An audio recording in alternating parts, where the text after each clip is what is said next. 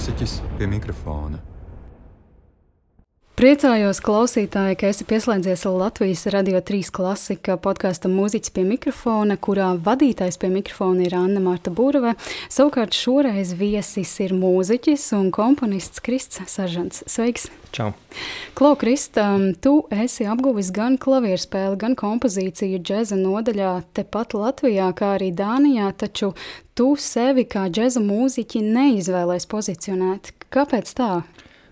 Laikam jau tās mūzikas, kuras komponēju dēļ, gribēju saprast, ka mācoties to, protams, džēza elementi kaut kādā tajā ir un, un iespējams arī paliks, tas ir uh, atstājis tā tādu lielu daļu man.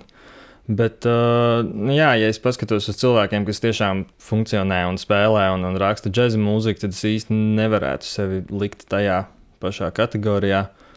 Un, uh, patiesībā es nemaz nedomāju, kur es sevi tā tik ļoti iedalu. Vienkārši es esmu pamanījis, ka īpaši Latvijā arī tas ļoti, ļoti dalās. Kā, vai tas ir džēza mūziķis, vai tas ir komponists, vai tas ir mūziķis vienkārši, vai tas ir kas cits vēl.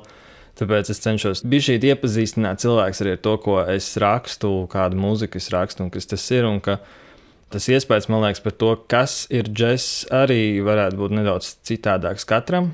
Līdz ar to ja man pozicionē tieši kā džēza, džēza mūziķi, tad, tad iespējams tas ir kaut kas cits, ko viņi varētu sagaidīt no manis. Varbūt jūs varētu aprakstīt tiem klausītājiem, kas nav tavu mūziku līdz šim dzirdējuši, kāda tad ir tā tava atmosfēra, tā stilistika, varbūt kā tu aprakstītu to? Mūzika, kas ir šobrīd pieejama manā albumā, tur ir gan tīrāka džēza mūzika, gan, gan vairāk uz starpžanru. Nezinu, es, es savu albumu, kas man šobrīd ir izdots, liktu laikam vairāk starpžanru kategorijā. Lai gan, nu, acīm redzot, zelta mikrofona komisija tam nepiekrita un ielika mani džēza kategorijā, kas arī nav nepareizi, protams, bet tā mūzika, ko es tagad rakstu un, un kas tagad būs pieejama, tā ir. Neteikt gluži kā filmu mūzika, bet kaut kas vairāk uz to pusi, kaut kas no laikmatīgās klasiskās mūzikas, no, varbūt no postminimālisma, kaut kas uz to, tiksim, iedvesmojoties no tādiem komponistiem kā Nils Frāms, no Maks Richters, uh, Hans Cimers arī. Tas tā kā sajiet viss, viss kopā vienā. Jā. Man liekas, ļoti svarīgi ir piedomāt pie tā, ka mūsdienās jau īstenībā ir ārkārtīgi, un es to domāju, vislabākajā nozīmē, eklektisks. Ļoti daudz, kas gan mūzikā, gan mākslā, un tāpēc arī varētu tiešām vairāk uzmanību pievērst šīm lietām, ka tu neesi tikai džēza mūziķis, tāpēc, ka tu mācījies akadēmijā džēzu. Jā, nu tas, tas ir tas, ko es visbiežāk esmu pamanījis, ka tas joprojām ļoti dominē šeit. Tas, ko tu esi darījis līdz šim daudz, kas arī ir nu, loģiski no vienas puses. Ja cilvēki ir tevi zinājuši kā džēza mūziķi, vienalga vai tas esmu es vai tas ir kāds cits. Es pats zinu arī mūziķus, kuriem es spēlēju gan džēzu, gan ne tikai. Viņi liela daļa nāk vai no mūzikas akadēmijas džēza katedras vai no citu skolu džēza katedrām, bet uh, pamatā viņi nodarbojas ar kaut ko pilnīgi, pilnīgi citu. Un, uh, tāpēc, manuprāt, ir ļoti svarīgi tiešām klausīties kas ir konkrētais projekts, varbūt, un ko tas mūziķis kopumā dara, jo saukt viņu tikai par, es nezinu, tikai par džēza mūziķu, vai tikai par dziedātāju, vai tikai par pianistu, vai, vai kaut kā tā, tas ir, nu, cilvēkiem, kas varbūt nav saistīti ar mūziku, varbūt nezinu tos cilvēkus, viņi var vai nu aiziet uz koncertu, kas viņiem ļoti nepatīk, vai arī tieši neaiziet uz koncertu, kas viņiem patiesībā ļoti patīk. Izcils piemērs bija Elektrodilaks koncerts Liepājā kaut kādus liekas, pāris gadus atpakaļ, kas bija pozicionēts kā džēza koncerts. Un, protams, ka lielajā dzinterā atnāca ļoti daudz cilvēku, kas bija gaidījuši šo džēzu, bet tā grupa, nu, no tā džēza, ko mēs saprotam ar džēzu, kas parasti cilvēkiem, kas neklausās džēza mūziku tik ļoti plaši, viņiem asociēs tas ar, nezinu, Louis Armstrongu vai Elfu Fitzgeraldu vai Franku Sineru, tas viņiem ir džēzs, bet, kad te vienāk tāds funk, roka, disko tipa sastāvs, kas, kas liek visiem celties kājās, tad tie cilvēki, kas ir nākuši baudīt ar savām kundzēm un, un kungiem, zina, jauku džēzu mūzikas vakaru, viņi ir ļoti apjukuši. Tajā. Tāpēc no vienas puses nav svarīgi tas, kā tu sevi sauc, un jāļauj muzikai teikt, par sevi runāt, bet no otras puses, atkal, ja tu gribi savākt cilvēkus, ne visi viņi iestāja YouTube, klausīties, ne visi viņi iestāja Spotify, klausīties, kas tas tāds īsti ir. Daudzi paļaujas tieši uz to reklāmu, kas ir, kas ir ielikta vai nu biļešu servisā, vai, vai Facebookā, vai kaut kur viņi redz džesu. Tā tad, ah, es zinu, kas ir džess. Tā tad rekrutis. Tāpēc savā ziņā tomēr man liekas, tas, ko tu noliec, tur ir svarīgi. Vai arī norādīt arī, nezinu, līdzīgos izpildītājus, piemēram. Mūsu šodienas tēma, manuprāt, ir ļoti interesanta, un to tu arī tā piedāvāja man. Tā ir klaustrofobija uz skatuves. Un varbūt iesākumā tu varētu pastāstīt, ko tavā pieredzē, tavā sajūtās nozīmē šī klaustrofobija uz skatuves.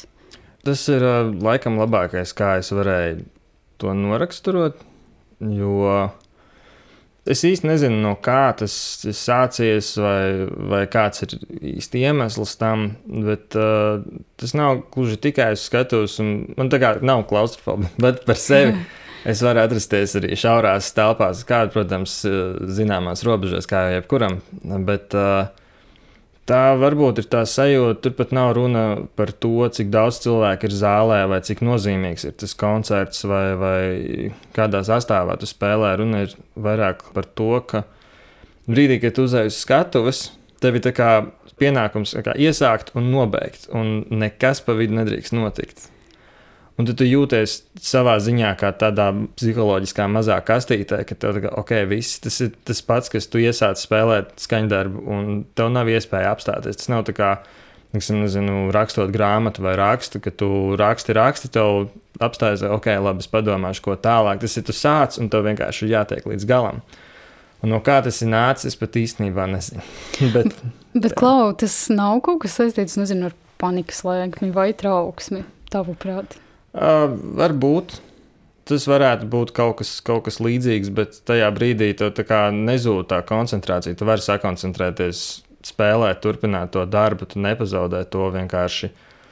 Jā, varbūt zināma atbildība tajā visā arī ir, ka tu pats visu organizē, pats visu taisi rīko, un, un tev ir zināma atbildība ne tikai par to, ko tu dari, bet ko arī citi dara un kas apkārt notiek. Un varbūt mums pārlieku pārspīlētais, pedantiskais perfekcionisms nāk klāt, jo taču, nu, katrs tomēr mēs esam cilvēki, un, un neviens koncerts nav perfekti ideāls līdz pašai, pašai niansai. Jautājums, ko klausītājs dzird vai nedzird, tas ir cits, bet uh, jā, tas, tas īstenībā tas nav bijis visu laiku.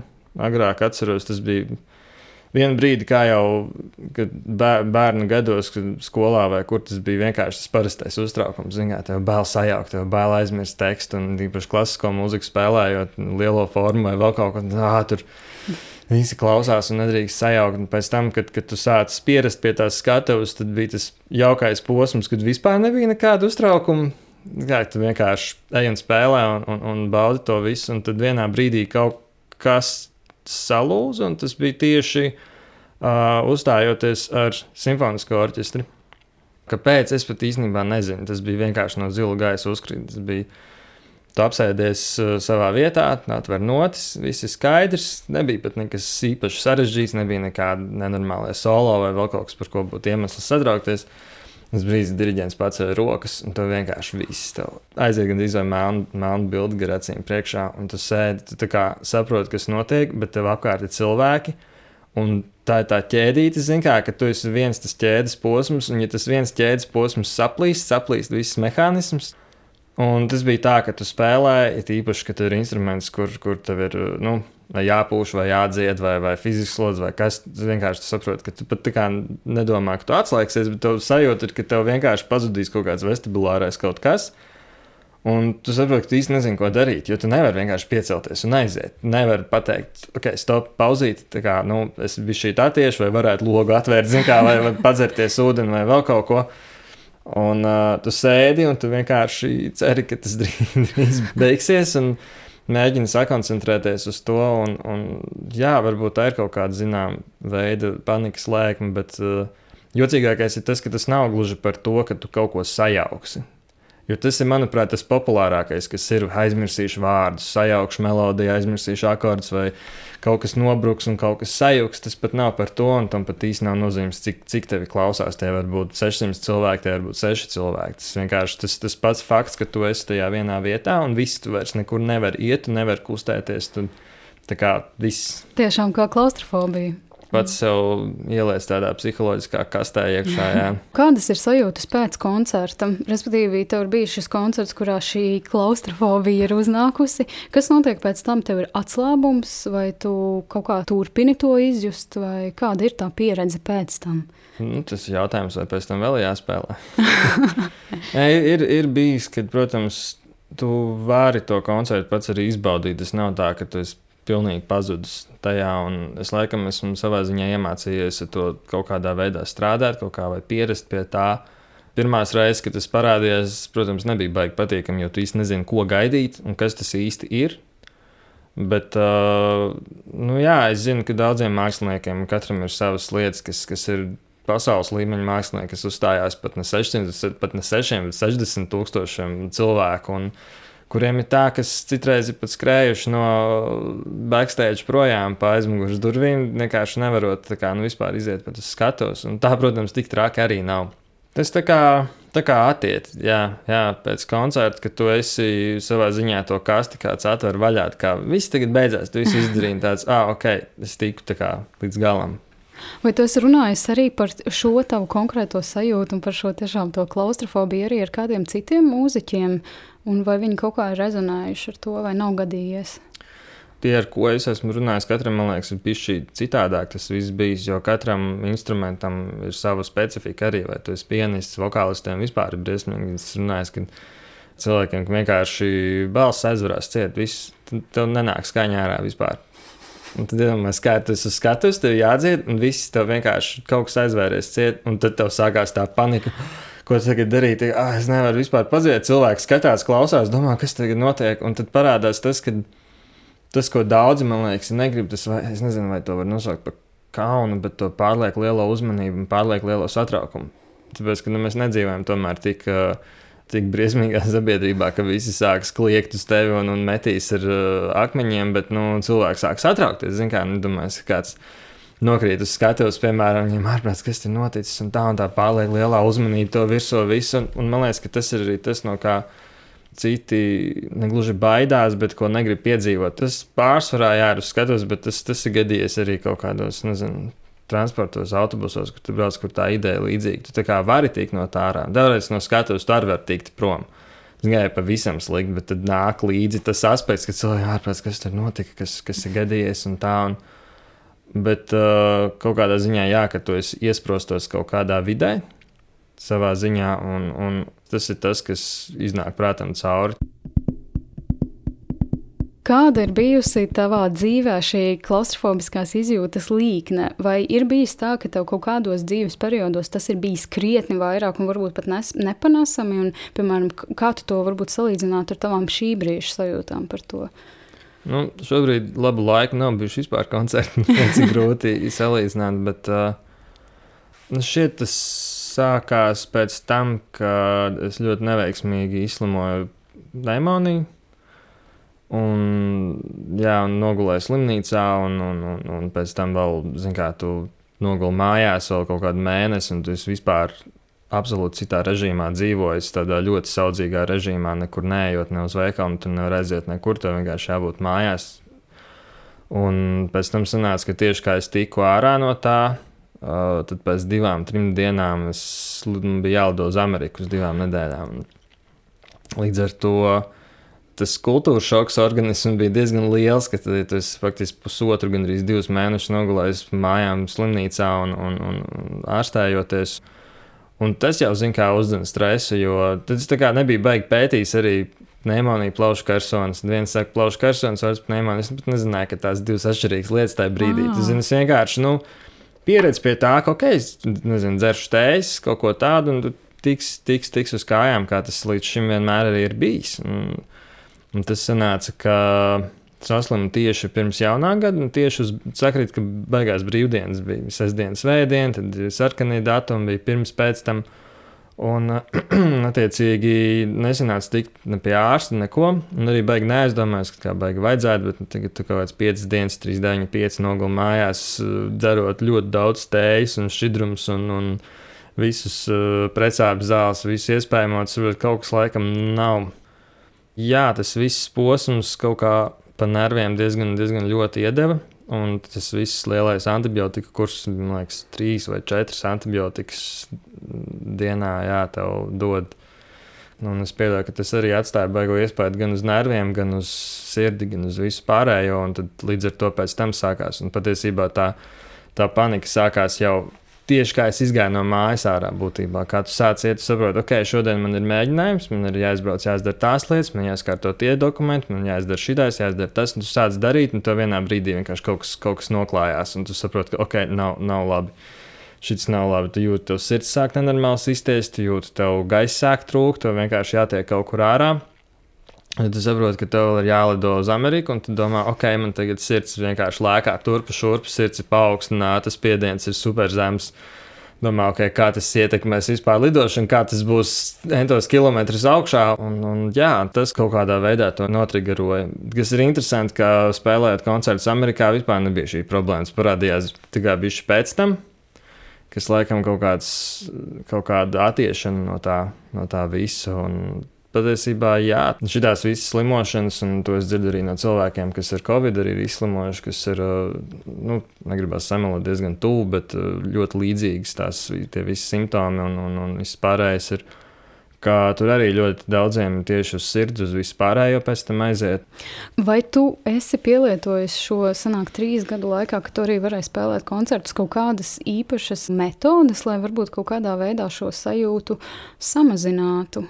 Es esmu nedaudz, bet arī gājis pārbaudīt teiksim, to pašu sirdi un visu pārējo, kas par laimi, tad, kad es biju pārbaudījis, neko tādu neuzrādīja, nu, ka būtu kaut kāda aritmija vai kas. Un tā ir, es nezinu, laikam viena no pirmajām lietām, kad vienkārši pārbaudi, kas tas ir. Vai tas ir uh, kaut kas, kas ir psiholoģisks, vai tas ir kaut kas fizisks, vai tas ir kas tās ir par lietām, tad, kad tu saproti, ka tu izslēdz tās fiziskās lietas, ka tev tā kā tu saproti, ok, tā tad tas ir kaut kas psiholoģisks, tā tad ir kaut kāda problēma, kas ir jāatrisina. Tad ir jautājums, kāpēc tā ir. Jo, ja tu nezini, kāpēc tā ir, diezgan grūti no tā tikt vaļā. Bieži vien, ja tu tam pievērs pārāk lielu uzmanību, tas paliek ar vien sliktāks. Tas pats ir par visādām domām, tas saucamais overthinking, kas ir ļoti daudziem. Jo tu vairāk pieķeries un ja tu vairāk mēģini izskaidrot tās domas, kas tev nāk virsū, jo vairāk viņas arī nāks virsū. Un bieži vien cilvēkiem ir tā saucamie junk thoughts, kas tā kā, nu, nezinu, izkastas domas, atkrituma domas, kas vienkārši tev iešaujās prātā kaut kāda, kaut kāda absolūti neloģiska doma par kaut ko. Un, Un uh, daudz sāk pieķerties tam, baigs, ka, kāpēc es vispār par to iedomājos, kas tas ir. Kā, kāpēc es tā domāju, vai man kaut kas nav kārtībā, un tad viņi sāk nākt vēl un vēl un vēl. Jā, ja ir pavisam traki, tad viennozīmīgi laikam jā, jāprunājas ar kādu speciālistu, kas var palīdzēt citreiz izskaidrot, kāpēc tā ir. Jau, mēs jau paši, kas nestudē medicīnu vai psiholoģiju, kaut ko mēs ļoti daudz ko nezinām, kas ir normāli, kas nav normāli. Un tur ir arī vecāku pieredze, kam vecāki ir gājuši cauri, ko viņi tev ir stāstījuši vai nav stāstījuši. Un mēs nonākam situācijā, kad mums ir kaut kādas sajūtas pirmo reizi, un mēs nevaram viņas izskaidrot. Uzreiz es domāju, tas ir normāli, kāpēc man tā ir. Un tad tu beigās saproti, ka tas ir normāli. Un vienkārši šīm panikas laikmēm, kā man teica, neviens no viņām tā nav nomiris. Kā viņas vienkārši tev ir jāsaprot, kas notiek, jāsaprot, ka tā ir panikas lēkme, vai tā ir klaustrofobija, vai kas. Nu, es nerunāju par klaustrofobiju kā tādu, kas ir cilvēkiem mazās telpās, runājot par šo konkrēto sajūtu, kas, kas ir man. Vienkārši jāsaprot, ka tās ir tās sajūtas, kas tajā brīdī ir uznākušas, un jāmēģina viņas bišķīt apspiest, teiksim, būt teikt, lielākam par tām lietām, kas nāk virsū. Tāpēc, ka visas šīs negatīvās lietas, viņas nāks virsū, ja kā, tu neko nedarīsi ja tu ņemsi un sāksi analizēt to visu tālāk, un analizēt, es domāju, bezjēdzīgi analizēt. Teiksim, vienkārši sēdēt un domāt, kāpēc man tā ir, kāpēc es tā jūtos, nevis meklēt reālo risinājumu. Vai tu pats esi gājis pie kaut kāda psihoterapeita vai psihiatra? Jā, jā. ilgstoši gan es neesmu gājis. Pirmo reizi es gāju, tas bija laikam pirms kaut kādiem sešiem gadiem. Mēnesis, varbūt divus mēnešus Es domāju, ka cilvēkiem, kas regulāri iet uz terapiju, tas nav tik daudz. Un tagad es gāju laikam pagājušajā gadā, tad, kad visa uh, albuma izdošana un, un, un akadēmijas lietas un viss kopumā, viss un vēl šis Covid laiks, un tas kaut kādā ziņā uzsēdās, uzsēdās virsū. Un, un tajā brīdī, kad tev ir tas lielais darba apjoms, nu, kā kaut kā tiec galā. Tev ir kaut kāds stress vai, vai nesaukt to par paniku, bet bija šī tāds overwhelming, zin, kā tā sajūta par to, ka ir tik daudz un ok, kā ir jāapspēj salikt tas plāns, kā to visu izdarīt. Tas problēmas sākās tad, kad tu visu izdarījis. Un tad, man liekas, es esmu novērojis, ka divi tipi cilvēki ir. Viena tipa cilvēki ir tie, kas visu pabeidz, un viņiem ir tāds baigais atslābums, ka, ok, tagad var atpūsties, beidzot viss ir beidzies, un viss ir baigi forši. Un tad ir tie cilvēki, kuriem sākās tāds, tāds nu, no krievijas tāds athots. Zini, kā, kad tev nāk, kad vienkārši šis, kā, tavs organisms visu laiku ir bijis tik ļoti saspringts, lai paveiktu to, kas ir jāpaveic. Un, kad tu to esi izdarījis, tad vienkārši tas viss uzgāžās virsū. Tas, laikam, ir mans variants, kas, protams, no kā es arī mācos tikt ārā, mācos labāk plānot to laiku, mācos bišķi mierīgāk atkāpties no tā visa. Bet, uh, jā, pagājušajā gadā es sapratu, ka nu, nu jau ir tā, ka kaut kas ir jādara lietas labā, jo ik pa laikam, protams, ienāk prātā, ka varbūt vajadzētu aiziet, bet tad kaut kā izai no tās situācijas, un es domāju, ok, labi, nu tā kā laikam, laikam vēl nē. Ne pagājušajā gadā bija tas brīdis, kad es sapratu, ka ir bijis šī, varbūt jāpakonsultējas ar kādu par to, okay, kā es nevis tā kā palīdz man tikt no šī ārā, bet drīzāk palīdz saprast, kā es varu no šī tikt ārā. Un nevis tā kā tagad, lai es jūtos labāk, bet lai šis vairāk neatkārtojās. Un kā tas tāpēc uh, reaģēja uz to, piemēram, šīm tavām sajūtām, ko tu par to pašu, jā, klaustrofobiju? Tad es īstenībā, es pat patiesībā nesen tikai iemācījos to tā baigi paskaidrot, ka, kas ir tieši tās sajūtas. Par to runājot, tas ir tas, ko man liekas, ka ļoti daudzi teikt, ir jāsaprot tā sakne, tas iemesls, kāpēc ir šī problēma. Un uh, arī tas pats, uh, vai tas ir normāli, vai tas nav normāli. Un es nezinu, mana pieredze bija tāda, ka es aizgāju savā ziņā gandrīz vai pats sev uzdevu visus tos jautājumus, un pats arī atbildēju uz tiem jautājumiem. Oh. Un uh, kaut kā tas cilvēks palīdzēja ievadīt kā, jā, uz tā pareizā ceļa, kas tad īsti ir, kā es ar to varu tikt galā, kā es varu ar to cīnīties. Tāpēc, ka vēl salīdzinoši nesen es biju kā, nu, nelabojams pesimists laikam un, un ciniķis par visām lietām. Un, Uh, joprojām es esmu vairāk tādā realismu un optimismu pusē. Optimists es noteikti neesmu. Es esmu vairāk realists jau. Uh, Bet es arī saprotu, ka ir jālien no, no, no tā ārā, ir jālien no tā saucamā mindset ārā, ka, kā, ka viss ir slikti un, un tā, un nekas nav labi. Un, tāpēc, ka vienmēr būs situācijas, kas nav labas, vienmēr mēs nevaram izvairīties no tā. Mēs nevaram izvairīties no kļūdām, mēs nevaram izvairīties no lietām, ko mēs nevaram labot.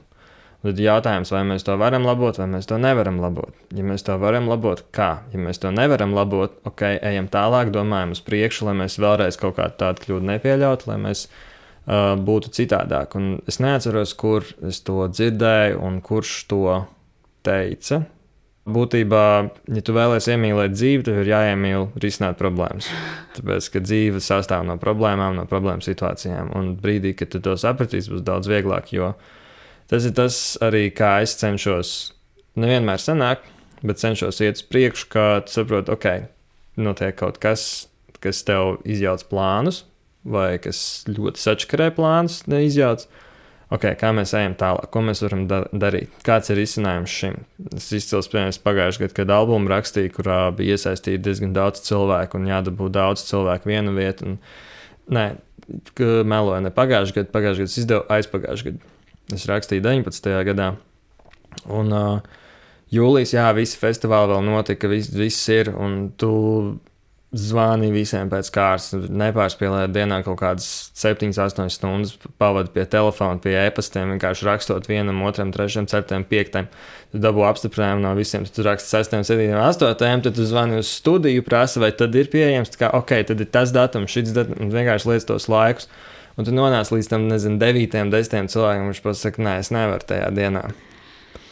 Un tad tev ir jājautā, kad viņš tiek, un tad tev ir vēl vēlreiz tas aplis aiziet ar pārējiem, un tad bija tā, ka tu visu saliec un uh, Tad piezvanīja, pasakā, klausies, bet uh, mēs pūtē netiekam tajā datumā. Tomēr mums bremzē, bremzē šitajā pasākumā ar datumiem, laikiem, un mēs mums tikko pateicām, mēs nevaram, tur viss ir jāpārplāno. Un, un tajā laikā es vēl šausmīgi par to pārdzīvoju, šausmīgi stresoju, kā man tagad to visu, un lidoja arī bundzinieks no Dānijas, un tas arī ir, zin, kā ierobežots tas laiks cik var, bet uh, tad es sāku palēnām mācīties to, ka okay, tā ir vēl viena situācija, kas nāk, nāk priekšā, kā mēs varam viņu atrisināt, kā mēs varam tikt no tās vaļā. Ja tu sāc pieķerties tām problēmām, tām situācijām, kas, kas nāk virsū, tu vari vienkārši sajūt prātā un, un nokrist stūrītī kaut kur apģērbs sevi un gulēt un, un, un viss. Jo Tas ir atkarīgs arī no, no profesijas, kurā tu esi. Tu esi radošajā sfērā, vai nu, nezinu, arī žurnālistikā, vai vēl kaut kur. Tev tās problēmas, situācijas būs visu laiku. Sanāk, ka viena no tavām tādām metodēm, kā varbūt tikt galā ar to, ir uzdot sev jautājumus, vai ne? Jo es tikko arī klausījos, kā to visu stāstīju, un tu tiešām tu paņem to kaut kādu problēmu situāciju, un tu apskati viņu no vairākām pusēm. Jā, nu, tā jau ir kaut kāda sava veida, laikam, paša psiholoģija. Zini, kā, ka tu tāpat kā tu aizēji pie psihologa vai pie psihoterapeita, viņš jau tev uzdos jautājumus, viņš tev nepateiks. Kā, ok, skaidrs, tagad tu esi tas un šitais, un tavs risinājums ir otrē, kur šitais. Tā, tā kā viņš tev uzdod jautājumus, un tev pašam ir jānonāk pie šī secinājuma, tāpēc, ka tev jau var teikt visu kaut ko, zini, kā tev viss saka, viss būs kārtībā, viss ir labi, tā kā un tā, bet nav viss labi. Tas nav risinājums, nevar dzīvot uz viss ir labi. Nav labi, tu neesi labs tāds, kāds tu esi. Tu vari būt labāks. Tas nenozīmē, ka tu esi slikts tagad, bet nu, dari kaut ko, ej kaut kur tālāk un meklē atbildes uz šiem jautājumiem.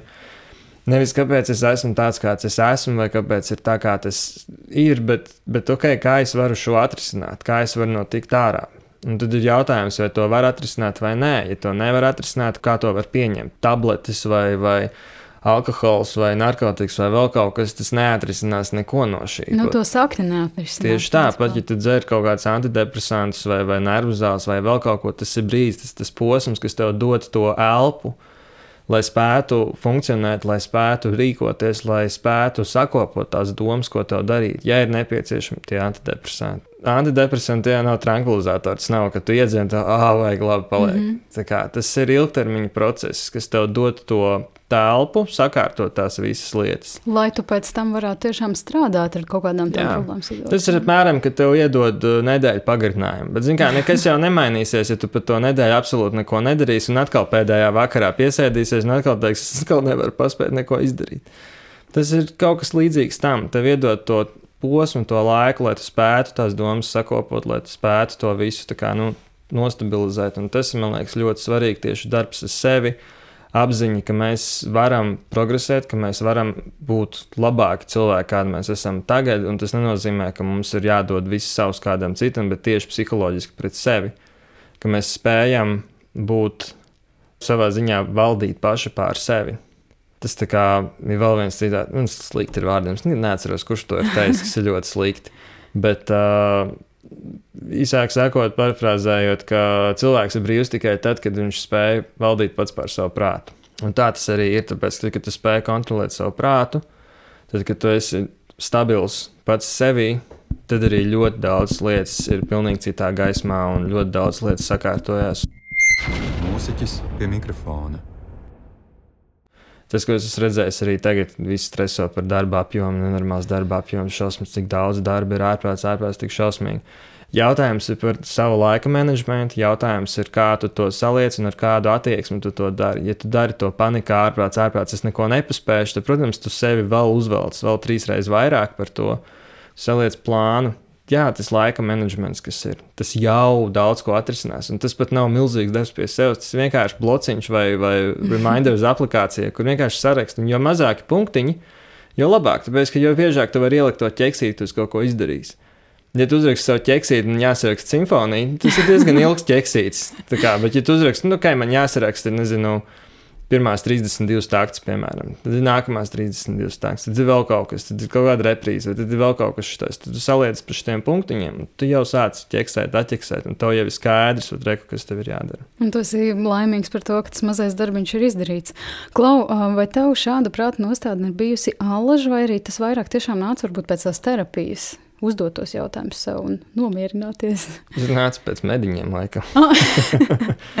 Kad tu redzi, kā tavi pasniedzēji, kas, nu, jau man kolēģi arī strādā un dara, un ka tev tur vienkārši tie nav gluži mājas darbi, kur tu vari apsēsties un salikt komatus, kā un gatavs. Tas ir ļoti daudz darba, ir ilgtermiņa darbi. Un ļoti daudz uzdevumu ir ilgtermiņa uzdevumi. Un tas informācijas apjoms, kas tev ir jāuzzina, ir milzīgs. Ir īpaši, ka nu, muzikas skolā kā pārsvarā visi pianisti. Es pabeidzu klasisko nodaļu, un tad aizgāju uz mediņiem, kas bija uz džēza nodaļu. Līdz ar to es sāku ar pilnīgi no nulles kaut ko pilnīgi citu. Es neturpināju klasisko mūziku spēlēt, bet es sāku kaut ko pilnīgi jaunu, pilnīgi cits spēles stils, pilnīgi citas nianses, citas lietas, kurām jāpievērš uzmanība, un, un vēl improvizācija klāt. Viss tas, tas informācijas apjoms ir vaiprātīgs, un nevelti cilvēki to mācās visu mūžu. Tas ir, tas ir nebeidzams process. Un pirmā lieta, kas ir, ko es pamanu arī saviem audzēkņiem, daudziem, kas bija arī man, kad tad būs viss, kad tad es iemācīšos. Bet tu nekad neiemācīsies to līdz galam. Tu iemācīsies kaut kādas lietas, bet tad nāks klāt vēl citas lietas, ko tu nezini, vēl citas lietas, un tu nevari paspēt visu vis savā mūžā iemācīties pilnīgi visu. Tas ir vienkārši process, un ir jāsaprot un jāpieņem, ka tas ir process. Tāpat kā cilvēkam pašai psiholoģija, tas ir process, tā ir nebeidzama attīstība. Un kāda, kāda daļa no tās attīstības ir dabīga, kas ir mēs pieaugam, mums pieredze mainās un cilvēki apkārt mainās. Liela daļa no tā ir tas, cik daudz mēs darām pie tā. Ja mēs salīdzinām, piemēram, tu spēlē kādu mūzikas instrumentu vai tu strādā pie sevis mentāli, psiholoģiski, spēlējot mūzikas instrumentu non-stopā, tu paliksi labāks. Loģiski. Tāpēc, ka tu to dari, tā ir repetitīvā mācīšanās, tu spēlē un kaut kas tev paliks labāk. Bet, ja tu nepievērsi uzmanību tam, ko tu dari, un ja tu nesalies to plānu, ko tu dari, tu nepaliksi labāks ne tuvu tik ātri, cik tu paliktu labāks, ja tev būtu plāns un konkrēts lietas, ko tu dari, kam tu pievērsi uzmanību, ko tu trenē. Tas pats, manuprāt, ir cilvēka prāta. Ir jāsaprot, kas katram ir tas klupšanas akmens. Kāds ir uh, pārāk nervozs, kāds pārāk daudz overthinko, kāds pārāk maz padomā, kāds ir pārāk, pārāk pa gaisu un aizmirst visu laiku lietas. Katram ir savas tās lietas, kuras ir, manuprāt, jāpiefiksē, un tad ir jāmeklē, kā, okay, kā es šo varu labot. Un lielākajai daļai, ko es esmu dzirdējis, kas vienmēr ir palīdzējis, ir pašdisciplīna. Es nerunāju, protams, par visiem. Ir cilvēki, kuriem ir pārāk liels darba apjoms, un katrs, protams, var pavilkt tik, cik viņš var, un tas ir katram individuāli jāskatās. Bet es teiktu, ka biežāk problēma ir tajā nevis, ka tev ir pārāk daudz darba, bet ka tev trūkst tā pašdisciplīna. Ja mēs paskatāmies uz cilvēkiem, kas ir daudz sasnieguši, uz teju jebkuru, tā darba, darba etika ir vienkārši dzelžaina bijusi. Tas nav, ka tu piecelies no vēl stundu pagulēši. Tu celies un tu ej un dari to visu pa plāniem, pa punktiem salikts. Un viens no tiem punktiem vienmēr ir arī kaut kāda atpūta, kaut kāda atslodze, lai tu nepārdedz. Šitais bija, man liekas, ka vienā TED talk arī viena sieviete, kas ir precīzi neatceros, vai ārsts, respektīvi medicīnā arī strādā, runāja tieši par to pašu ka tu sadali visu prioritātēs. Kas ir sarkanā prioritāte, kas ir dzeltenā prioritāte, kas ir zaļā, kas var pagaidīt, kas nevar pagaidīt. Cilvēks, kurš iekšēji asiņo, protams, būs svarīgāks par cilvēku, kurš ir atsits kājas īkšķi pret durvīm. Bet, ja mēs kājas īkšķi atsišanas darbus sāksim darīt pirms šitām lietām, tad arī sāksies tas disbalanss tajā visā, ko mēs darām. Sāksies haoss, sāksies panika. Un, Es ļoti cenšos arī saviem audzēkņiem to iemācīt. Sākat plānot, tāpēc ka tas ir tas, ko tu vienmēr sāc darīt par vēlu. Tu nekad to nesāc darīt laicīgi. Tu to sāc darīt, kad saproti, ka tu jau vairs netiec galā. Es redzu cilvēkus, kuriem kuri saka, tur jā, man ir tik daudz, šausmīgi daudz darba, vai prātīgi, cik man daudz darba. Es redzu, Instagram, Facebook, ka tu sēž draugiem, kā tādu dzer un tā. Tas ok, tev ir tiesības atpūsties, un tev vajag atpūsties, bet izvērtē prioritātes, vai šobrīd tu vari to atļauties darīt. Vai tu esi izdarījis visu līdz šim? Lai tu lai... varētu pilnvērtīgi atpūsties, principā. Pat neatpūsties, bet vai tu esi vienkārši, vai tu esi līdz šim izdarījis visu, lai tu tagad varētu teikt, ka jā, es esmu izdarījis visu, un es netieku galā. Vai es esmu saplānojis laiku, vai es laicīgi gulēju, vai es izguļos, vai es normāli ēdu, vai es lietoju vai nelietoju par daudz alkohola, piemēram, kas arī daudziem ļoti to ietekmē. Tās ir tās lietas, tas tas pats, kas, nu, nezinu, es slikti guļu, un varbūt man vajag miega zāles. Varbūt nevajag ekrānos skatīties pirms tam, varbūt vajag vairāk kaut ko fiziski nodarboties, varbūt vajag laicīgāk iet gulēt un tā tālāk. Tie ir kaut kādi, zin kā, tie dabīgie soļi, kuriem mēs izējām cauri pirms tam. Strādāju pirms nu, jau daudziem gadiem Tele2 klientu centrā un, un, un jāpārdod telefonu. Daudz cilvēku nāca arī ar telefonu, kaut kas ir saplīsis. Saka, man tur neiet tas un šitais. Pirmie jautājumi, kas mums ir, vai telefons ir atjaunināts? Tā ir pirmā lieta. Ja telefons nav atjaunots, tā ir pirmā lieta, ko mēs darīsim. Pirms tu sāc sūtīt viņu uz servisu vai vēl kaut kur, tas telefons tiks atjaunināts. Kaut kādi tie punktiņi, kuriem tu izai cauri, līdz pateikt, ok, viņš jāsūta servisā.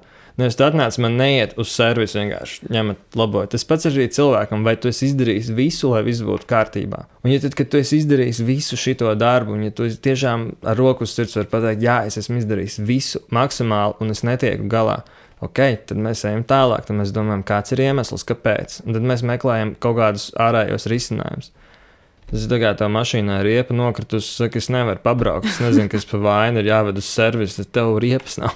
kā, nu, kā varbūt, varbūt tas, tas ir tas risinājums, kas ir. Jā, kā, ceru, ka daudzi arī to sapratīs, tam pievērsīsies. Jo citādi pašam ir sevi šausmīgi grūti, ka tu visu uztver paniski un haotiski, un ka viss ir slikti, un es ne, ne ar ko netiek galā. Un, man liekas, cilvēki paši bieži vien neapzinās savu patieso potenciālu neapzinās to, cik patiesībā daudz viņi var izdarīt. Tāpēc, ka visiem, visi apkārt viņiem saka, kāds tu esi nabadzīgs, cik ļoti grūti tev ir, cik šausmīgi daudz tev viss ir jādara un drausmas, cik kā tu to vispār tiec galā, un es nesaprotu, kā to var izdarīt. Un tad vienā brīdī tev iesēžās smadzenēs, un es sāku domāt, jā, patiesībā ārprāts, es taču nemaz nevaru to izdarīt. Bet tu vari. Un katram jā, jāiepazīst sevi. Mūziķis Pie mikrofona atpūšas. Krist, kas ir varbūt kaut kādi ārpus muzikāla hobiji, ko tu dari ārpus jā, kaut kādām tavām darba reizēm, kas arī tev palīdz kaut kādā veidā atpūsties un, un iegūt uh, kaut kādas citas atklāsmes?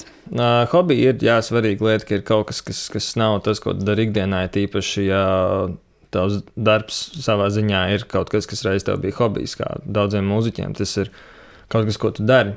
Tas nav biroja darbs, kur tu raksti papīrus, un tad tu brīvajā laikā spēlē koncertus kaut ko. Tas ir visu laiku. Nosacīti hobijs, daļēji uh, grafiskais dizains kaut, kā, kaut kādā ziņā, jo jau diezgan agri, kad es sāku spēlēt koncertus, man ļoti piesaistīja vispār visas vizuālās lietas, kas ir skaisti plakāti un reklāmas un viss pārējais. Līdz ar to es ļoti ātri sāku to, teikt, paš, pats savā veidā apgūt. Un, Tiecīgi, savam albumam, grāmatai un, un, un pašam albumam dizainus arī pats veidoja. Man uh, palīdzēja Vadims Kožins to visu, kā teikt, profesionāli salikt kopā. Pēc, nu, kā, pēc izmēriem viss, lai viss ir līdzeni un kaut kāds tāds profesionāls nianses. Bet tāpat ideja ir manas paša. Bet es īsti nevaru to gluži saukt par hobiju, jo tas kaut kā savā kopā to profesionālo tēmu. No hobiju lietām tālāk, kas ir uh, arī filmas, ko tādu es īsti nevaru teikt, ka to varētu par hobiju nosaukt, bet tas ir kaut kas, kas man palīdz atslēgties. Kā, un citreiz filmas pat nav tā, ka obligāti tam ir jābūt kaut kam, ko tu neesi redzējis. Citreiz es meklēju filmas, ko skatīties pēc vairāk pat pēc noskaņas. Kad tu esi kaut kādā attiecīgā noskaņā un tu meklē kaut ko, kas tā kā, kā teikt, atbalstītu super to, to noskaņu, un tad tu uzslēdz to filmu vai fonā, vienkārši lai viņi. Un tas kaut kādā veidā palīdz smadzenēm bija atslēgties no tās profesionālās domāšanas. Tur kā nedaudz palīdz aizbēgt pašam no sevis. Teiksim, Bet tādā tā. veselīgā veidā, vai ne? Jā, un nē. Grūti teikt, Zin kā bēgt no sevis nekad nav labi.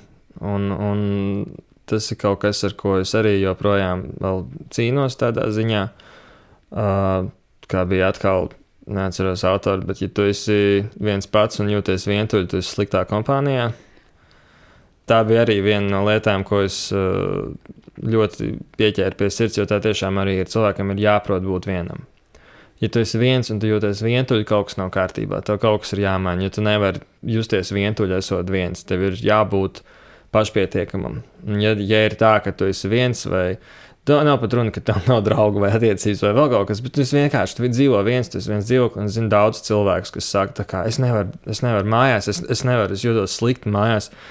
Klausies, tas ir kaut kā jālabo. Tu nevari risināt to visu laiku, aicinot cilvēkus ciemos, visu laiku esot troksnī apkārt. Tev ir kaut kā tas, tas bija šī jāatrisina. Un tik traki man arī, protams, nav, bet uh, Jā, filmas, kaut kāda seriāla, kaut kas tāds. Tas palīdz bija šī atslēgties, atslēgties smadzenēm. Vienkārši tam pat nav jābūt nekam vienmēr super saturīgam. Mm -hmm. Tas var būt kaut kas, kas vienkārši pēc noskaņas patīk, un, un, un ir tīpaši pēc garas darba dienas, vai pēc kaut kā. Es neesmu tas cilvēks, kas var atnākt mājās un uzreiz aiziet gulēt. Tāpēc savā ziņā patīk vēli vakari, naktis citreiz pat, kad ir ļoti maz iespēja, ka kaut kas notiks. Tādā ziņā, ka kāds tev uzrakstīs kaut ko, ka kaut kas tev būs tagad vēl jādara. Tu vienkārši esi padarījis dienas darbus, un ok, tagad viss, tagad es biju šī atslēdzos, un tas tādā nedaudz kā laika vakumā. Tas, zin, kā laiks aiz loga arī nemainās, ir tumšs, piemēram, nu, vasarā tas ir vēlāks, bet, pieņemsim, ziemā tas varbūt arī agrāk, ka tev ir tumšs viss. Un, tu atslēdzies no kaut kādiem sociāliem tīkliem, no vēl kaut kā. Vienkārši es tā kā bezmaz vai neskaties pulkstenī, tas nedaudz tādā pauzītē, tā kā tādu timeout paņem no visa. Un, un tu esi ar sevi, kas ir ļoti veselīgi. Jā, jā, jā. Kaut kādā ziņā, bet atkal jau tas pats, zin, kā tu skaties tās filmas, skaties tos seriālus, tu kaut kā ieej tajā bija šī tiekšā vairāk. Man liekas, ka Džims Kerijs par šo ļoti daudz arī runāja, ka viņš uh, Uh, man šķiet, ka tas bija Džims Kārijs. Varbūt, varbūt es kļūdos. jā, man, jā, man, manam vārdiem ir ļoti slikti. Man arī bail samelot, tāpēc es atklāti pasaku, ka es ļoti sen lasīju, bet man šķiet, ka viņš bija tas, kurš teica, ka viņš sāka nodarboties ar aktieru mākslu, lai kaut kādā veidā aizbēgtu no sevis. Un, uh, nē.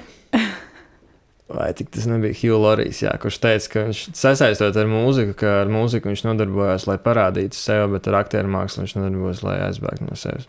Ziniet, kā šito es pārbaudīšu, tad izlemsim, vai to likt iekšā vai nelikt iekšā. Būs taisnība, varēs ar visiem, ah, bet uh, vismaz es būšu nonācis kā, pie, pie, parē, pie pareizās atbildes. Bet uh, tāds praktisks hobijs, kas ir hobijs, nesen sāku vairāk pievērsties uh, kokteļu jaukšanai. Wow. Jā, nezinu, vai tagad jāsaka, alkohola lietošana ir negatīva ietekme. Bet, uh, jā, tāda jau nenāk.